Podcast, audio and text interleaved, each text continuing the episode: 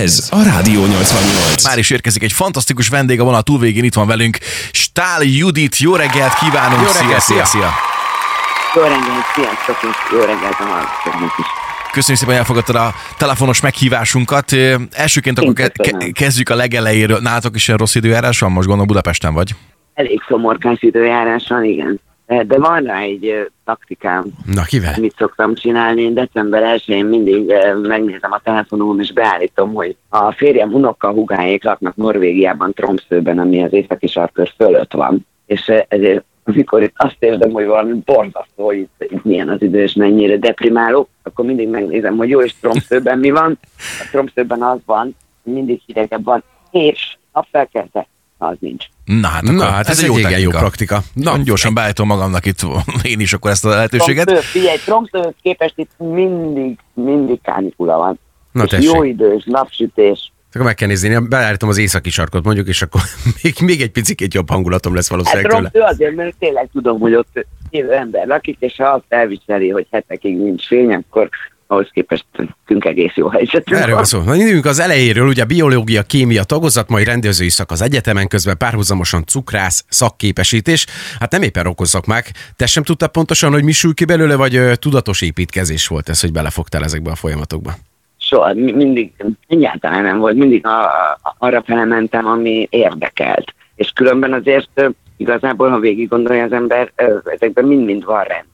Hogy mennyire lett volna tudatos, semennyire. Azt szoktam mondani, hogy mikor egy kisbaba megszületik, nem tudjuk, hogy milyen. De amikor nézzünk egy felnőttről egy kisbabakori fotót, akkor abból már így látjuk, ja, hogy emiatt lett ilyen, ja, hogy látom, ez a vonása azzá vált. Érted? Tehát, hogy visszafele mindig Aha. könnyebb megítélni, hogy mi miért lett.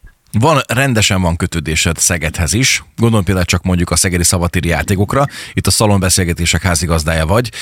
Milyen érzés, amikor megérkezel a városunkba? Hogy érzed itt magad?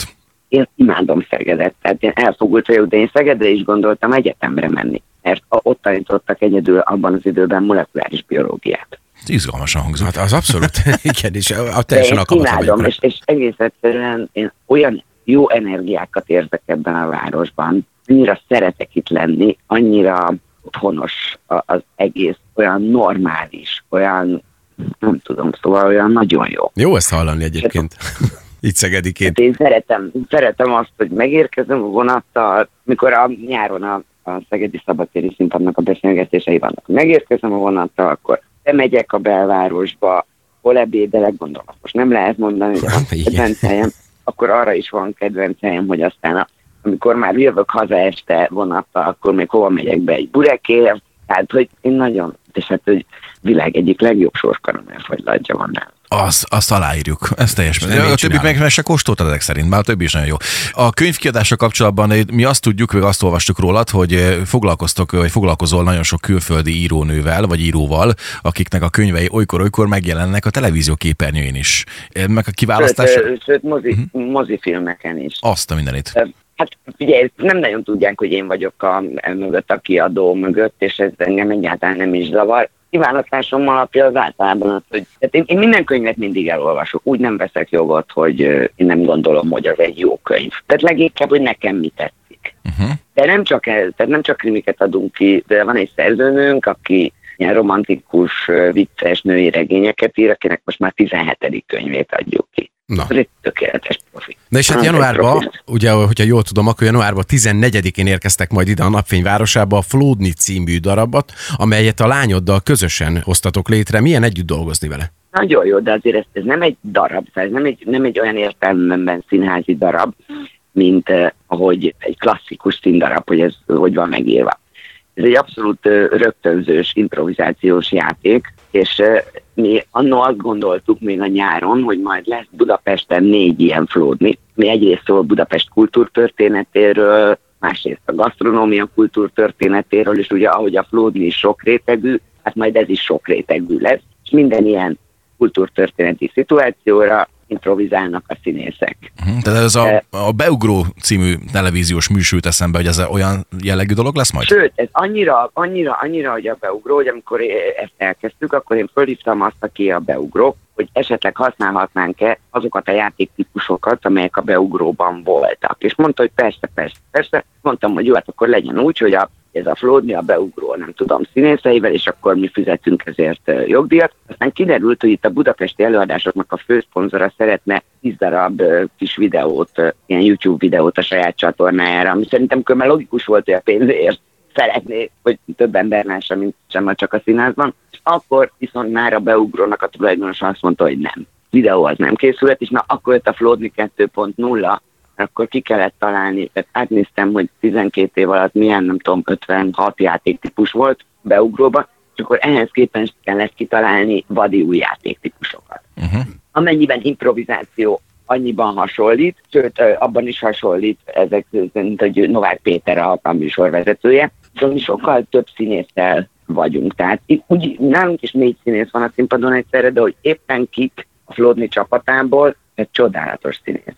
Szerintem olyan izgalmas már a, a név is, én nekem rá kellett keresni, mert nem tudtam, hogy mit jelent pontosan ez a flódni, de ez egy nagyon finom sütemény, több rétegű, és ugye a Novák Peti neve is garanciára, hiszen nagyon nagy rutinja van benned, akkor ezek szerint minden előadás egy picit egy más. Nagyon, nagyon sok, sokrétű hapsi. Rendkívül tehetséges, és nem egy dologban tehetséges a Péter, hanem sok dologban, mert hogy igazi tehetség. Mm, tehát megvan akkor a fő sztoria az egésznek, megvannak a szituációk, ezek de... szituációk, uh-huh. ezek szituációk, szituációs játékok.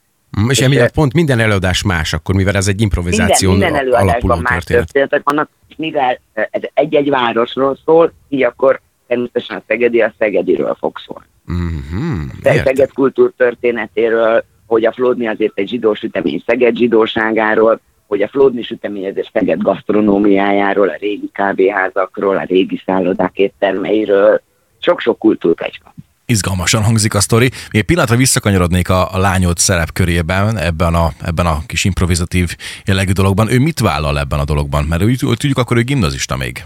Hanna most utolsó éves gimnazista, és őt nagyon-nagyon érdekli a színház, mert a színházi rendezés, meg a darabírás, meg a színházi producerség. És ami még érdekli, az a színház marketing, tehát hogy egy darab házi termékként hogyan, hogyan jelentkezik a piacon. Mi azt csináljuk, hogy a szituációkat együtt írjuk nem egyszerre együtt, hanem általában úgy van, hogy ő is, én is utána kutatunk, hiszen most már digitális archívumok vannak, digitális könyvtárak vannak, tehát azért utána lehet menni a kultúrtörténeti résznek rendesen, és utána mi legyen maga a szituáció. Milyen mondok például egy budapesti példát, jó?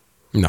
Hogy ami a pont a múltkor volt, Kálói Péter és Jordán Adő játszott aztán ezt a jelenetet, hogy eh, itt eh, a Budapesten a Kálvin téren volt a Fényes Dezsőnek az áruháza. Ez a mai napig megvan ez az áruház, csak most már azért eléggé más, leromlott állapotban. De annó, annó ez egy nagyon elegáns áruház volt Budapesten, és akkor ezt mondjuk elmondjunk, beszélünk Péterre arról, hogy milyen, a, milyen volt ez az áruház, és a jelenet, amire improvizálnak, az itt játszódik, például, hogy egy sellő szeretne esti ruhát venni a fényes áruházban, és az eladó hogyan próbál nem utalni arra, hogy mi furcsák a lábai.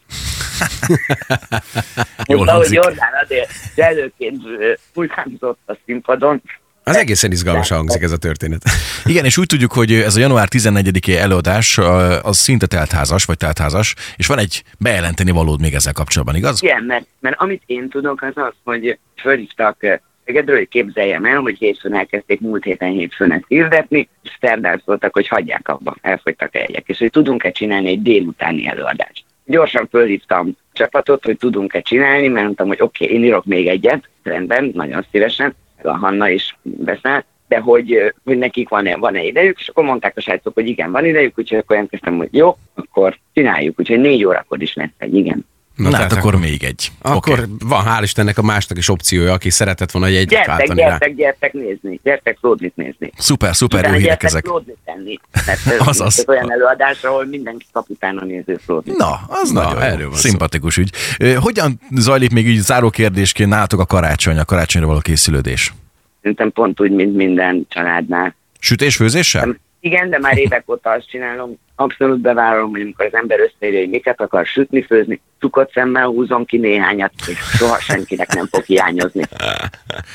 Azaz. Mondjuk ezt megkóstolnám, hogy nem kell beleőrülni, mert Isten ment. Igen, csak azért, azért is akartuk ezt kérdezni, mert hogy annyi, annyi dologgal foglalkozol, hogy ez belefér még, még a konyhába való jelenlét, vagy a, a családdal való egy, egy, egy megfelelő minőség együtt töltött idő, de akkor szerint igen, mindenképpen szakítasz rá időt. Ez ezért nem annyi, annyi, meg annyira attól függ, hogy hogy osztod be az időt, nem. Nem attól függ, hogy mi fér bele az életedbe, hogy mit akarsz, hogy beleférjen. Hát az én életemben sok minden olyan dolog is belefér, hogy nem akarok, hogy beleférjen, és ezért Jó, jó, jó, egészen most tud lenni. Oké, ketten vagyunk. okay, nagyon-nagyon szépen köszönjük, hogy a, a telefonbeszélgetést el tudtuk intézni veled. Nagyon sok sikert kívánunk a rendezvényhez, és további nagyon szép napot, és kellemes ünnepeket. Kellemes ünnepeket, szép napot. Szia, szia. Szia!